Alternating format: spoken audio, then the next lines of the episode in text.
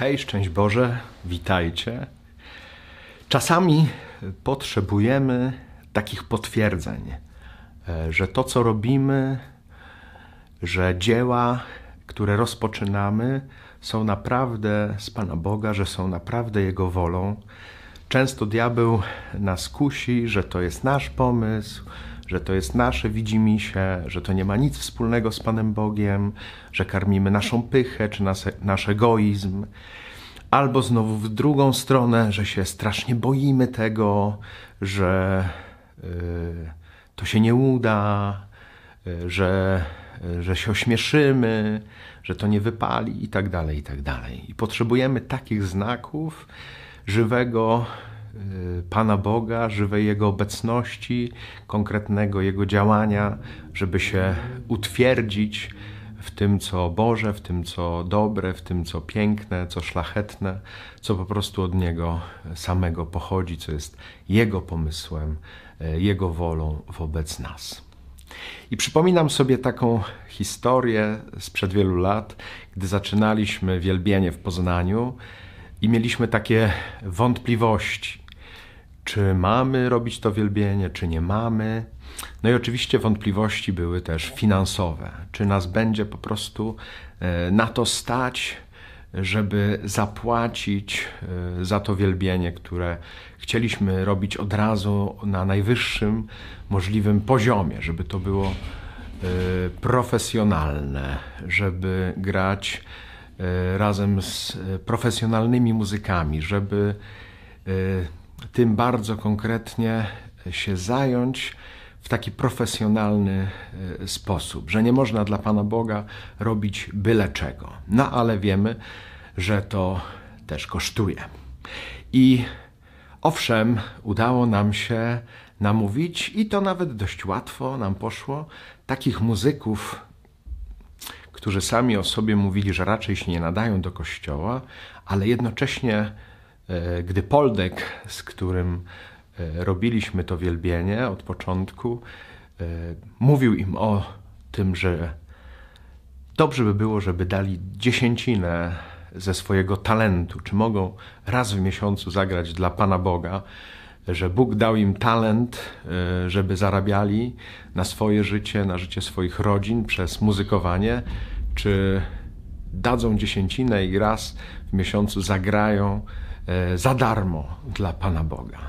I z muzykami nie było problemu, e, ale no właśnie, trzeba było zapłacić e, za sprzęt.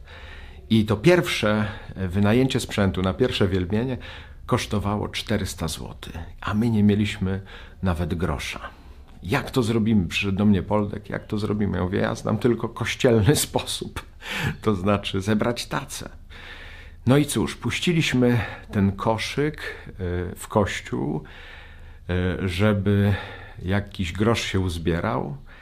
No i rzeczywiście ten koszyk wrócił po uwielbieniu. Liczymy z drżącym sercem, czy nam wystarczy na to nagłośnienie. I Poldek przeliczył wszystko i nagle mówi tak. Mamy, prawie mamy 399 zł i 40 groszy. I w tym momencie do zakrystii wchodzi student i mówi: Ja też bym chciał się dorzucić do tego koszyka, ale mam tylko 60 groszy. I nie potrzebowaliśmy już więcej potwierdzenia. Dokładnie to było potwierdzenie i dowód ze strony Pana Boga. To ja tego chcę. I oczywiście, gdy wcześniej planujemy, gdybyśmy wcześniej zbierali na to pieniądze, to byśmy nie doświadczyli tego cudu.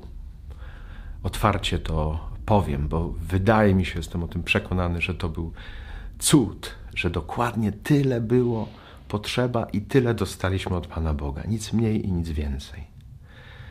Że to doświadczenie było nam wtedy na początku y, tego wielbienia, które trwa do dzisiaj, a zaczynaliśmy to w 2001 roku, to sobie sami policzcie, jak długo to trwa miesiąc w miesiąc. I że zawsze Pan Bóg y, płacił rachunki. Ale potrzebowaliśmy tego pierwszego cudu, żeby nam się to potwierdziło. Może i wy macie takie doświadczenia, może mieliście jakieś obawy, może dalej macie, może mieliście, może macie dalej jakieś lęki.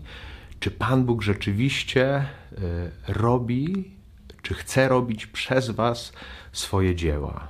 Czy nie jest to tylko Wasz wymysł? Sprawdźcie to w konkrecie.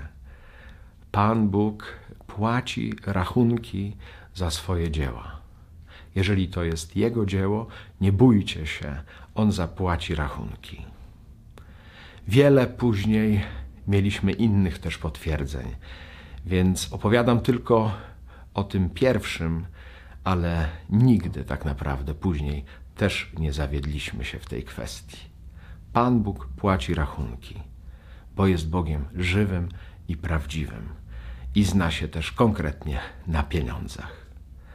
Trzymajcie się, życzę Wam wszelkiego błogosławieństwa i łaski. Z Panem Bogiem. Hej!